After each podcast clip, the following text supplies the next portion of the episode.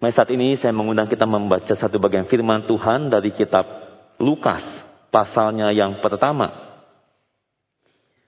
Lukas pasalnya yang pertama ayatnya yang ke-5 sampai dengan ayat yang ke-25. Jika sudah mendapatkan maka saya akan bacakan bagi kita sekalian. Lukas pasal 1 ayatnya yang kelima sampai dengan ayat yang ke-25 demikian firman Tuhan. Pada zaman Herodes Raja Yudea adalah seorang imam yang bernama Zakaria dan dari rombongan Abia. Istrinya juga berasal dari keturunan Harun, namanya Elizabeth. Keduanya adalah benar di hadapan Allah dan hidup menurut segala perintah dan ketetapan Tuhan dengan tidak bercacat. Tetapi mereka tidak mempunyai anak, sebab Elizabeth mandul dan keduanya telah lanjut umurnya. Pada suatu kali, waktu tiba giliran rombongannya, Zakaria melakukan tugas keimaman di hadapan Tuhan. Sebab ketika diundi sebagaimana lazimnya untuk menentukan imam yang bertugas, dialah yang ditunjuk untuk masuk ke dalam bait suci dan membakar ukupan di situ. Sementara itu seluruh umat berkumpul di luar dan sembahyang. Waktu itu adalah waktu pembakaran ukupan. Maka tampaklah kepada Zakaria seorang malaikat Tuhan berdiri di sebelah kanan mesbah pembakaran ukupan. Melihat hal itu ia terkejut dan menjadi takut. Tetapi malaikat itu berkata kepadanya, Jangan takut, hai Zakaria, sebab doamu telah dikabulkan. Dan Elisabeth istrimu akan melahirkan seorang anak laki-laki bagimu, dan haruslah engkau menamai dia Yohanes. Engkau akan bersuka cita dan bergembira, bahkan banyak orang akan bersuka cita atas kelahirannya itu. Sebab ia akan besar di hadapan Tuhan, dan ia tidak akan minum anggur atau minuman keras dan ia akan penuh dengan Roh Kudus mulai dari rahim ibunya. Ia akan membuat banyak orang Israel berbalik kepada Tuhan Allah mereka. Dan ia akan berjalan mendahului Tuhan dalam roh dan kuasa Elia untuk membuat hati bapak-bapak berbalik kepada anak-anaknya dan hati orang-orang durhaka kepada pikiran orang-orang benar dan dengan demikian menyiapkan bagi Tuhan suatu umat yang layak baginya. Lalu kata Zakaria kepada malaikat itu, Bagaimanakah aku tahu bahwa hal ini akan terjadi? Sebab aku sudah tua dan istriku sudah lanjut umurnya. Jawab malaikat itu kepadanya, Akulah Gabriel yang melayani Allah dan aku telah diutus untuk berbicara dengan engkau dan untuk menyampaikan kabar baik ini kepadamu. Sesungguhnya engkau akan menjadi bisu dan tidak dapat berkata-kata sampai kepada hari di mana semuanya ini terjadi. Karena engkau tidak percaya akan perkataanku yang akan nyata kebenarannya pada waktunya. Sementara itu, orang banyak menanti-nantikan Zakaria. Mereka menjadi heran bahwa ia begitu lama berada dalam bait suci. Ketika ia keluar, ia tidak dapat berkata-kata kepada mereka. Dan mengertilah mereka bahwa ia telah melihat suatu penglihatan di dalam bait suci. Lalu ia memberi isyarat kepada mereka sebab ia tetap bisu. Ketika selesai jangka waktu tugas jabatannya, ia pulang ke rumah. Beberapa lama kemudian Elizabeth istrinya mengandung. Dan selama lima bulan ia tidak menampakkan diri. Katanya, Inilah suatu perbuatan Tuhan bagiku. Dan sekarang ia berkenan menghapuskan aibku di depan orang. Demikian pembacaan firman Tuhan pada hari ini. Nah, saudara tema kita pada uh, hari ini adalah wanita yang uh, wanita tua yang mandul dan perkenanan Allah. Saudara pernahkah saudara dalam situasi di mana saudara pernah mendapatkan uh, sesuatu yang selama ini saudara harapkan. Saudara pernah mendapat kabar baik bahwa saudara menantikan sesuatu yang begitu saudara dambakan dan harapkan dan nantikan dan hampir putus asa, tapi kemudian saudara mendapatkannya. Saudara saya mencoba membayangkan hal itu dan apa yang saya pernah alami. Saudara saya sulit sekali memikirkannya. Ya, tapi saya kalau kita lihat di sekeliling kita ada orang-orang yang mungkin pernah menang lotre, ya, pernah menang lotre dan kemudian beberapa orang dikabarkan itu sampai hampir mendapatkan serangan jantung. Ya, mengapa hampir mendapat serangan jantung? Karena dia tidak menyangka ya bahwa dia akan menang lotre sebesar itu, ya berjuta-juta dolar ya yang tidak pernah dia mimpikan, dia pikir itu akan impossible, sangat tidak mungkin, dia coba saja, tapi kemudian dia dapat dan itu membuatnya hampir kena serangan jantung. So kira-kira itu yang dialami oleh sepasang suami istri ini. Ya sesuatu yang mereka dambakan, kemudian mereka mendapatkannya, yaitu Zakaria dan Elizabeth. So mari kita melihat dulu siapakah pasangan ini. Saudara, siapakah Zakaria? Zakaria adalah seorang imam.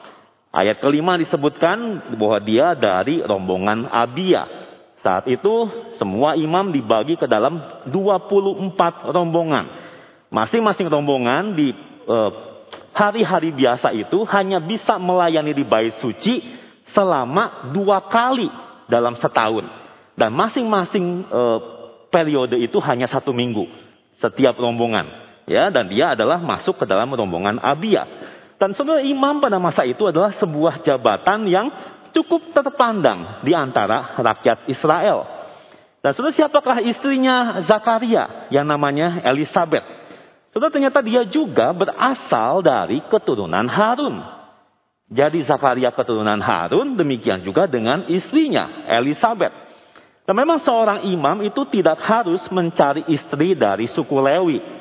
Tetapi saudara, kalau ada perempuan ya dari keturunan Harun dan menjadi istrinya, maka pasti dianggap punya latar belakang keluarga yang sangat baik pada saat itu. Jadi pasangan ini kemungkinan sangat dihormati oleh orang-orang Israel. Ya, dua-duanya keturunan imam, Sakarianya juga jadi imam, istrinya juga ya keturunan dari keluarga yang sangat baik.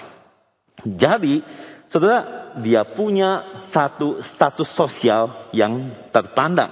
Namun bukan hanya secara status sosial, karakter mereka juga dipuji oleh penulis Lukas. Dikatakan saudara bahwa keduanya hidup benar di hadapan Tuhan. Mereka mengikuti segala perintah dan ketetapan Tuhan dengan tidak bercacat.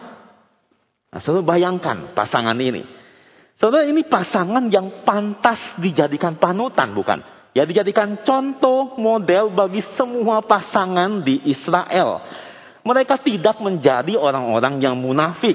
Ya, hanya karena melakukan ritual Taurat karena tuntutan jabatan. Tetapi terbukti hatinya pun takut akan Tuhan. Dan mereka hidup sesuai dengan perintah Tuhan. Maka bisa kita simpulkan bahwa Zakaria dan Elizabeth ini pasangan ideal yang nyaris tanpa celah. Terus kenapa saya katakan nyaris? Karena di tengah latar belakang yang begitu baik ini dilanjutkan dengan kata tetapi. Tetapi apa? Mereka tidak punya anak.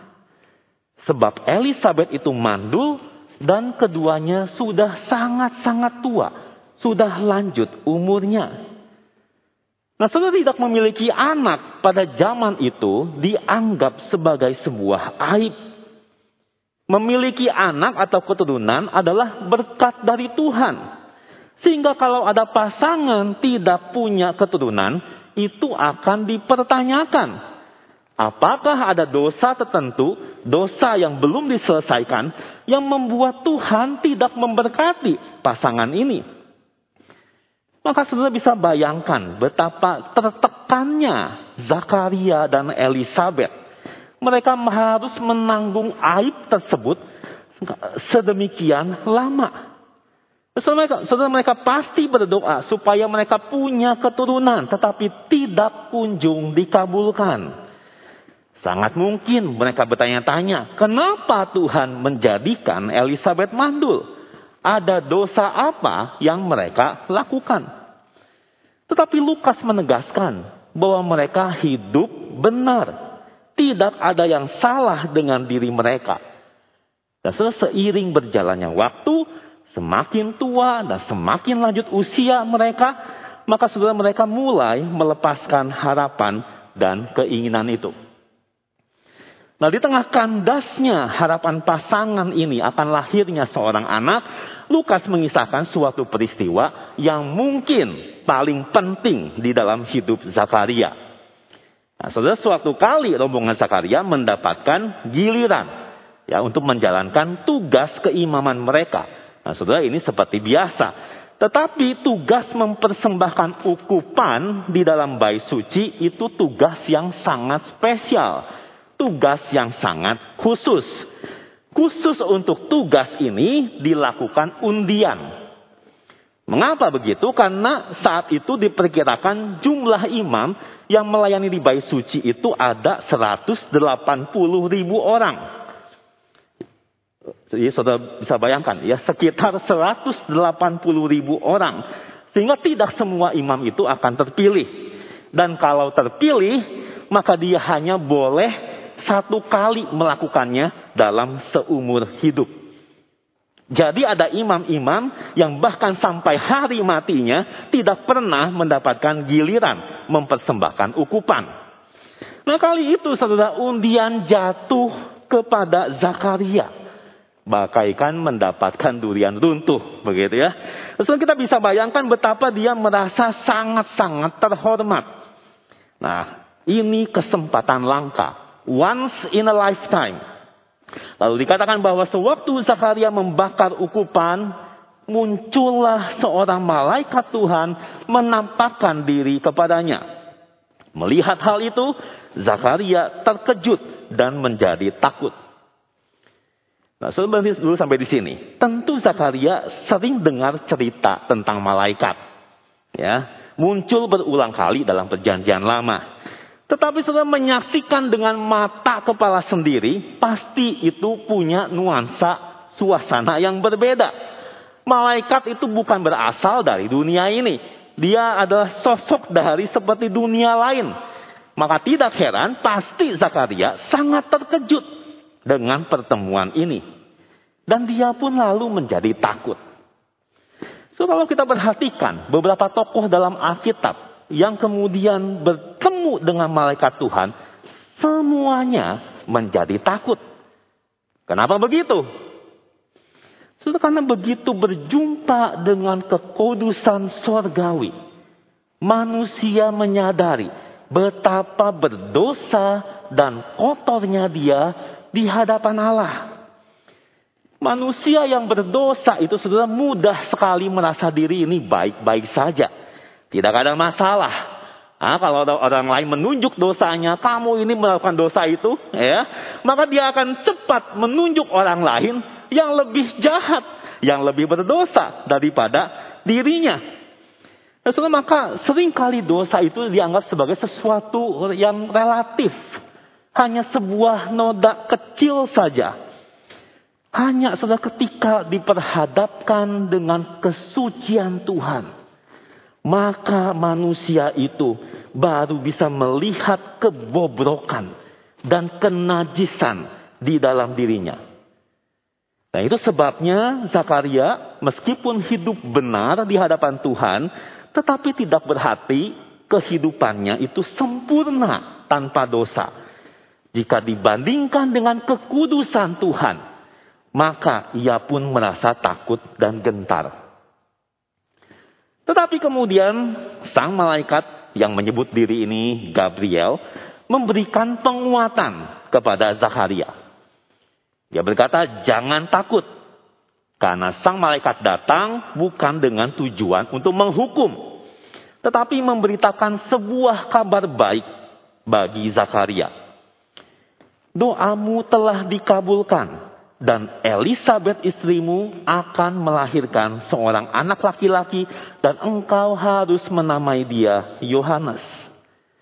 Sebenarnya dari kalimat malaikat ini kita tahu bahwa Zakaria dan istrinya ini sudah berdoa memohon untuk dapat anak. Tetapi sekarang mereka sudah tua. Dan mereka pikir tidak mungkin lagi bisa punya anak. Dan mereka tidak lagi mendoakannya. Namun jawaban malaikat ini menunjukkan bahwa selama ini Tuhan bukannya tidak mendengarkan doa mereka. Ternyata Tuhan punya rencana khusus bagi Zakaria dan istrinya. Dia seakan sengaja menunda kelahiran anak demi mendemonstrasikan keajaiban atau mujizatnya. Karena anak yang dikandung ini bukan anak biasa. Ia akan dipakai Tuhan luar biasa. Nah, so dari ayat 15 dikatakan bahwa anak ini akan besar, akan menjadi hebat di hadapan Tuhan.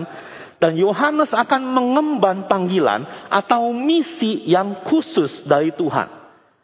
Maka dia harus dikuduskan dipenuhi Roh Kudus sejak lahirnya dan menjaga hidupnya tidak boleh minum anggur. Jadi dia ini mesti berbeda kehidupannya dari orang-orang pada umumnya. Sebenarnya misi atau tugas khusus apa yang diberikan kepada Yohanes? Ayat 16 dikatakan, dia akan membawa banyak orang Israel berbalik kepada Tuhan Allah mereka. Jadi saudara Yohanes ini akan lahir, dia akan membawa pertobatan, akan terjadi kebangunan rohani di dalam bangsa Israel. Ayat 17, dia akan berjalan mendahului Tuhan. Artinya saudara dia akan mempersiapkan jalan bagi Tuhan di dalam roh dan kuasa Elia. Saudara sosok Elia itu adalah seorang nabi yang sangat dihormati ya di dalam perjanjian lama dihormati oleh bangsa Israel. Dia akan membuat hati bapak-bapak berbalik kepada anak-anaknya dan hati orang-orang durhaka kepada pikiran orang-orang benar dan dengan demikian menyiapkan bagi Tuhan suatu umat yang layak baginya. So, ini adalah sebuah anugerah sekaligus panggilan yang tidak terkira bagi Yohanes. Coba bayangkan peristiwa inkarnasi bahwa Tuhan itu nanti lahir ke dalam dunia. Itu hanya terjadi sekali sepanjang sejarah. Sejak masa manusia diciptakan sampai nanti kiamat akhir dunia. Hanya satu kali sepanjang sejarah. Dan orang yang dipilih untuk mempersiapkan hal ini hanya juga satu orang sepanjang sejarah. Dan Yohanes mendapatkan keistimewaan ini. Bisa bayangkan ya betapa ini sesuatu anugerah bagi Zakaria yang luar biasa. Dan mendapatkan berita seperti ini, apa yang menjadi respon Zakaria? Ayat 18 dikatakan, Bagaimanakah aku tahu bahwa hal ini akan terjadi? Atau dengan kata lain, tahu dari mana bahwa perkataanmu itu akan segera terjadi? Apa jaminannya? Ternyata saudara Zakaria tidak percaya kepada perkataan malaikat. So, sekali lagi tentu Zakaria tahu dan hafal ya kisah-kisah dalam perjanjian lama. Seperti kelahiran Simpson atau kelahiran Samuel. Mereka dilahirkan dari perempuan yang tadinya mandul. Juga cerita Sarah yang melahirkan di usia yang sangat-sangat tua. So, mengajarkan bahwa tidak ada yang mustahil bagi Allah. Tetapi ketika Zakaria sendiri mengalaminya, sudah mendapatkan janji dari Tuhan bahwa istrinya yang mandul dan sudah lanjut itu akan melahirkan, so dia sendiri ternyata kesulitan untuk percaya. So, kita bisa bayangkan mungkin itu sebuah kabar yang terlalu baik bagi dia. Yang nggak mungkin terjadi. Saking terlalu baiknya sampai dia sulit untuk percaya. Mungkin dia takut kecewa kalau itu ternyata bohong. Maka apa jawab Gabriel? Ayat 19. Akulah Gabriel yang melayani Allah dan diutus untuk berbicara dengan engkau dan menyampaikan kabar baik ini. Lalu Gabriel menunjuk, melanjutkan, sesungguhnya engkau akan menjadi bisu dan tidak dapat berkata-kata sampai kepada hari di mana semua ini terjadi. Artinya hari saat Yohanes lahir. Karena engkau tidak percaya akan perkataanku. Nah, saudara bisunya Zakaria ini menjadi sebuah teguran Tuhan bagi dia karena ketidakpercayaannya itu. Nah, saudara lalu benar saja. Begitu keluar dari bait suci, Zakaria itu seperti diikat lidahnya. Ya, so, harusnya saudara seorang imam begitu keluar habis membakar ukupan, dia akan memajatkan doa berkat bagi e, di hadapan semua imam yang lain. Tapi Zakaria tidak bisa berkata-kata. Ya, ia berkomunikasi hanya dengan bahasa isyarat.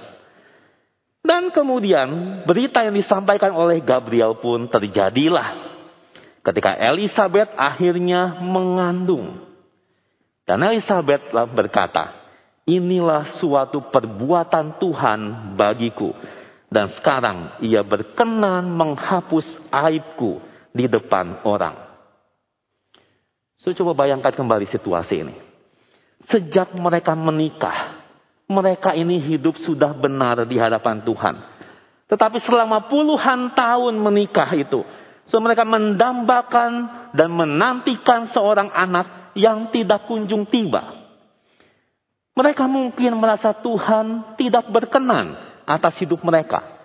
Dan bertanya-tanya mengapa Tuhan tidak memberikan anak. Apakah ada dosa yang membuat Tuhan marah? Tetapi kali ini, ketika Elizabeth mengandung, Elizabeth mengerti Tuhan punya rencana lain. Ia memberikan anak pada waktunya. Bukan waktunya Elizabeth, tapi waktunya Tuhan. Dan karunia anak ini menjadi tanda bahwa sesungguhnya Tuhan berkenan kepada mereka. Tuhan tidak sedang marah kepada mereka. Dan Yohanes yang dikandung Elizabeth ini menghapus aib mereka. Nah, saudara, apa yang bisa kita pelajari dari peristiwa ini? Saya ingin mengajak kita memikirkan dan merenungkan dua pertanyaan besar. Yang pertama, saudara, apakah Tuhan mengabulkan permohonan doa Zakaria dan Elizabeth? Apakah Tuhan mengabulkan doa mereka? Pada akhirnya iya. Tetapi di dalam waktu dan caranya Tuhan. Tuhan memberikan apa yang mereka mohonkan justru pada saat mereka tidak lagi mengharapkannya. Bahkan pada saat mereka tidak lagi berdoa. Karena sudah dianggap tidak mungkin terjadi. Nah, sudah kenapa seakan-akan Tuhan itu berlambat-lambat di dalam mengabulkan doa mereka. Karena Tuhan ternyata punya rencananya sendiri. Firman Tuhan mengatakan bahwa rancangan Tuhan lebih tinggi daripada rancangan manusia. Saudara ingat Yesaya 55 ayat 8 dan 9. Sebab rancanganku bukanlah rancanganmu dan jalanmu bukanlah jalanku. Demikianlah firman Tuhan. Seperti tingginya langit dari bumi demikianlah tingginya jalanku dari jalanmu dan rancanganku dari rancanganmu. Sebenarnya tujuan pengabulan doa Zakaria dan istrinya bukan hanya demi membuat mereka senang. Bukan hanya untuk kasih surprise. Surprise-surprise, akhirnya lahir. Bukan itu saudara atau supaya mereka mengalami mujizat Tuhan. Lalu bisa menceritakan bahwa aib mereka akhirnya dihapuskan secara ajaib. Aib dihapuskan secara ajaib. Bukan itu tujuan utamanya. Tapi anak yang dikandung Elizabeth dimaksudkan Tuhan untuk mempersiapkan jalan bagi Tuhan Yesus Kristus. Sang bayi Natal sehingga kelahiran Yohanes tentu harus berdekatan dengan kelahiran juru selamat kita. Maka Zakaria dan Elizabeth dilibatkan Tuhan dalam rencana keselamatan yang begitu agung melalui kelahiran anak mereka. Dan bukankah ini suatu karya Tuhan yang luar biasa dalam hidup Zakaria dan Elizabeth?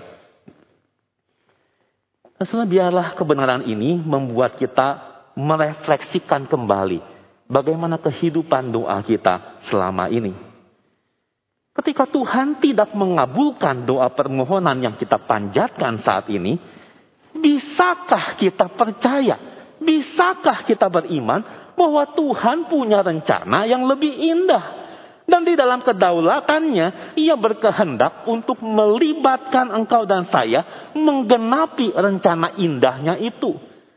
Meskipun saat ini kita tidak tahu seberapa indah, seperti apa rencana Tuhan. Tapi bisakah kita percaya? Tuhan mungkin akan mengabulkan doa kita nanti jauh di masa depan. Atau bahkan dia bisa berkata tidak terhadap permintaan kita.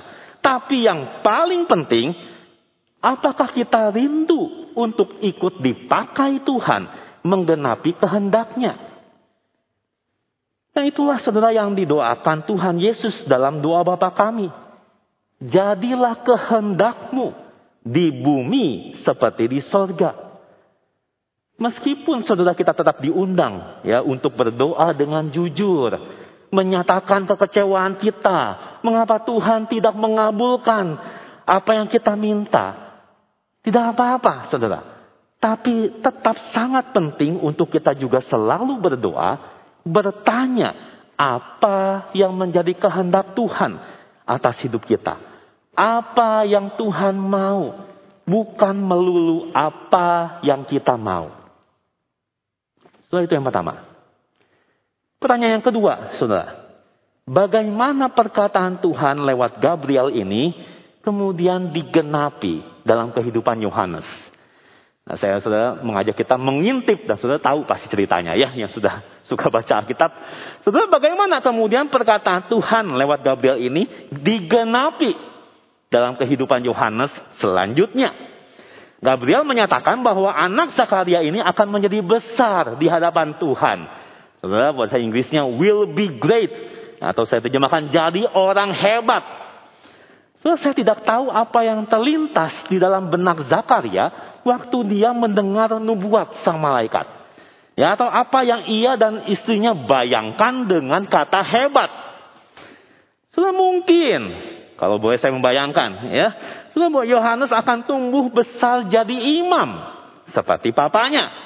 Atau bahkan katanya orang hebat jadi imam besar, dihormati oleh begitu banyak orang Israel.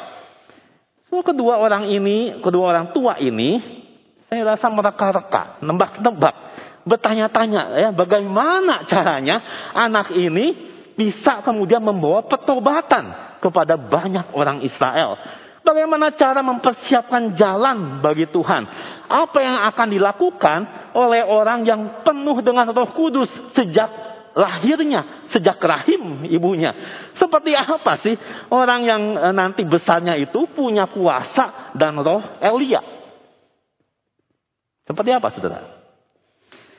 Saya percaya Zakaria dan Elizabeth tidak akan pernah menduga, tidak akan pernah terpikir bahwa nubuat Yohanes menjadi orang hebat dan membawa banyak orang bertobat itu nantinya tergenapi bukan dengan Yohanes menjabat posisi imam besar yang disegani banyak orang. Tapi nubuat ini digenapi sewaktu Yohanes Pembaptis tinggal di padang gurun dan menyerukan pertobatan.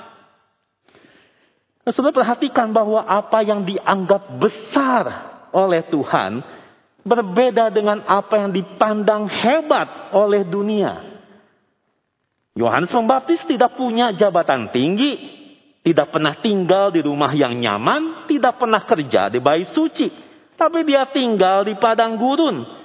Bukan orang kaya, tapi hanya makan belalang dan madu hutan yang bahkan orang miskin pun mungkin tidak pernah makan menu sederhana itu.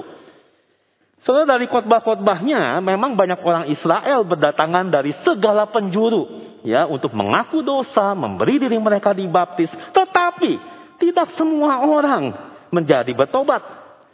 Nah, sudah kita tahu cerita bahwa ketika dengan berani Yohanes menegur Raja Herodes akan dosanya, maka Yohanes pun dijebloskan ke dalam penjara. So, sementara Elia sudah tidak mengalami kematian. Di akhir hidupnya dia diangkat ke sorga. Sudah akhir hidup Yohanes itu sangat mengenaskan.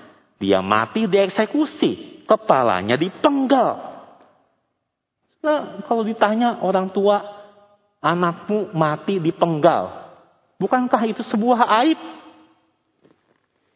Tapi inilah kisah hidup yang Tuhan sebut sebagai orang hebat. Orang yang hidupnya dipenuhi oleh roh kudus. So, belajar dari kisah ini. Mari kita memikirkan dan menggumulkan ulang kehidupan kita masing-masing. Apa yang sesungguhnya menjadi kerinduan terbesar dalam hidup kita? Apakah kita punya kerinduan untuk mengerti kehendak Allah atas hidup kita? Minta Tuhan pimpin, tuntun kita bisa mengerjakan, menggenapi rencananya.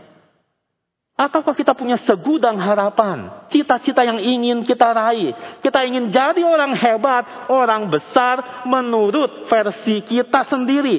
Kita kejar itu, kita bawa itu dalam doa dan keinginan kita yang utama adalah supaya Tuhan mengabulkan apa yang kita mau. Sebagian kita yang menjadi orang tua, apa yang kita doakan untuk anak-anak kita? Setiap orang tua memimpikan anaknya menjadi orang hebat Kelak, kalau sudah besar nanti. Lalu kita berdoa untuk anak-anak kita. Tapi bagaimana kalau Tuhan ingin jadikan dia orang hebat seperti Yohanes? Tidak punya status sosial, boro-boro jadi orang terkenal, hidup pas-pasan secara ekonomi, tapi Tuhan mau pakai dia. Relakah saudara? Bagaimana kalau Tuhan mau panggil anakmu menjadi hamba, hamba Tuhan? Mungkin melayani tempat terpencil, seperti Yohanes di padang gurun. Relakah saudara?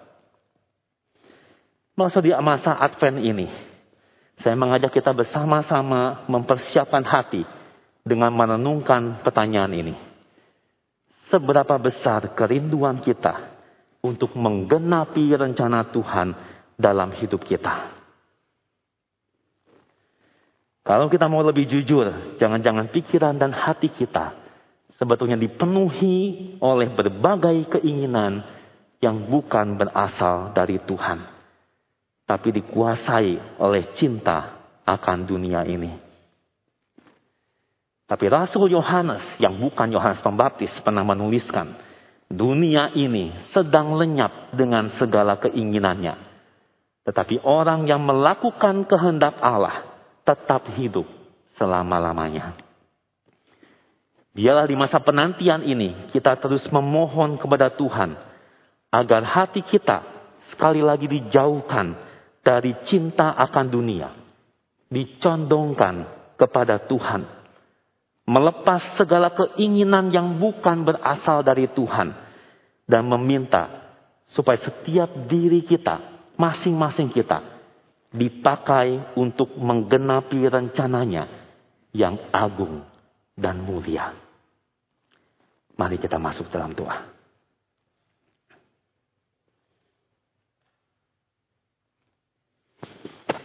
Tuhan pada saat ini kami bersujud di hadapanmu. Dan kami ingin kembali merenungkan firman Tuhan yang sudah kami dengarkan. Ya Tuhan ampunilah jikalau sering kali dalam doa kami kami hanya dipenuhi dengan berbagai nafsu, keinginan, ambisi, rencana kami. Kami utarakan kepada Engkau. Tapi kami mungkin jarang sekali bertanya, apa yang Tuhan ingin kami lakukan? Apa yang Tuhan kehendaki dalam hidup kami? Ampuni kami Tuhan kalau kami kemudian datang dengan segudang kerinduan, permintaan kami. Dan kami dengan mudahnya kecewa dan marah mungkin kepada engkau. Karena engkau tidak memberikan apa yang kami minta. Tapi Tuhan biarlah lewat peristiwa Advent ini. Kisah pemberitaan kelahiran Yohanes Pembaptis. Hati kami boleh kembali ditundukkan di hadapan engkau. Sesungguhnya kami ini hambamu Tuhan. Tolong kami untuk kami rindu melakukan rencana Tuhan dalam hidup kami. Meskipun itu tidak sesuai atau bahkan bertolak belakang dengan kemauan kami. Bahwa kami Tuhan lebih mengasihi Engkau lagi. Terima kasih ya Bapa. Di dalam nama Tuhan Yesus kami berdoa. Amin.